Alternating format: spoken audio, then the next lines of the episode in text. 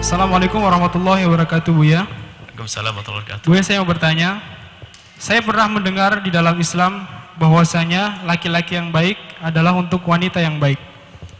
Ada teman saya Buya, sudah menikah hampir 4 tahun. Dari sejak menikah, suaminya belum mau melaksanakan sholat lima waktu dan juga meninggalkan puasa Ramadan.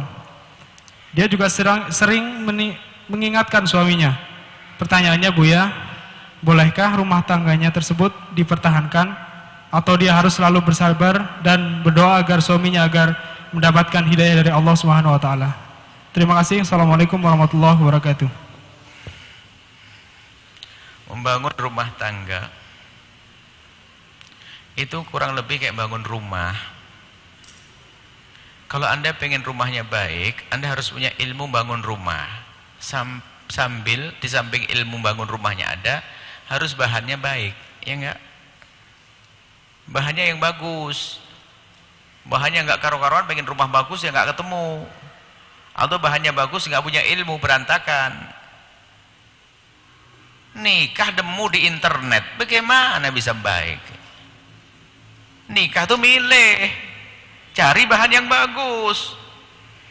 Sudah tahu bahan yang benar dinikahi saja. Kenapa alasannya? Nanti akan saya benahi. Itu anda orang sakit.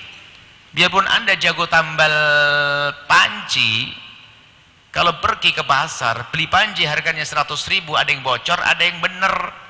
100 ribu bocor, yang benar juga 100 ribu. Anda pilih yang mana? 100 ribu yang benar. Jangan mentang-mentang Anda jago tambal panci, langsung ngambil yang bocor saja. Ada biar saya tambal di rumah Anda sakit. Ini biasanya santri, santri itu ngaco. Waduh, kalau cari istri yang penting cantik, masalah akhlak ke mana nanti saya dedek. Sebab kalau cantik nggak berubah-ubah lagi, kalau akhlak nggak bisa berubah. Ah, ini apa sombongnya santri itu? Ini dan sudah hamil istrinya nangis bingung dia. Istrinya nggak sholat. Sama demi cinta demi cinta nikah padahal suami calon suami nggak sholat. Ini salah di awalnya. Maka Nabi mengajarkan tukahul mar'atul arba'in kalau nikah itu adalah milih. Milih itu yang benar milih. Bagaimana hubungannya dengan Allah, bagaimana dengan keluarganya. Kalau Anda tidak tahu itu ya jangan dinikahi. Wong milih kok. Milih kok jadi terpaksa itu gimana sih? Terlanjur cinta. Nah, itulah penyakit gula jawa rasa coklat. Nikah kok begitu. Jadi nikah itu milih. Bagaimana dengan Allah? Sholatnya seperti apa? Jangan dibahas setelah nikah. Oh ahli sholat dia. Dengan ibunya bagaimana? Lembut hati. Santun dengan ibunya. Dengan saudaranya penyayang. Ah, boleh. Dia jago sholat. Sama ibunya kurang ajar. Oh ibunya saja dikurang ajari apalagi dirimu. Ya bakal diinjak-injak. Oh, salah pilih kok. Apalagi demi cinta yang biarpun orang tuaku nggak setuju. Yang penting kan kita. Ibunya saja dilanggar. Jangan mau nikah dengan orang kayak begitu. Harus cerdas dong kita ya. Anda laki-laki menikahi anda. Orang tuanya padahal nggak setuju. Katanya demi cinta. Biarpun orang tua saya nggak setuju. Yang penting kita bersama. Lah orang tuanya saja dilanggar. Apalagi kamu yang baru kenal. Bapak ibunya jadi memilih. Baik. Kemudian. Jika sudah milih. Eh ternyata kok salah pilih. Ya dididik dulu dong. Karena boleh serta-merta perceraian itu dihadirkan. nggak boleh. Dididik, diajak dan diajak, diajak dan diajak. Akan tapi jika ternyata sudah diajak masih saja tidak bisa melakukan sholat berarti pelanggaran dosa gede fasek.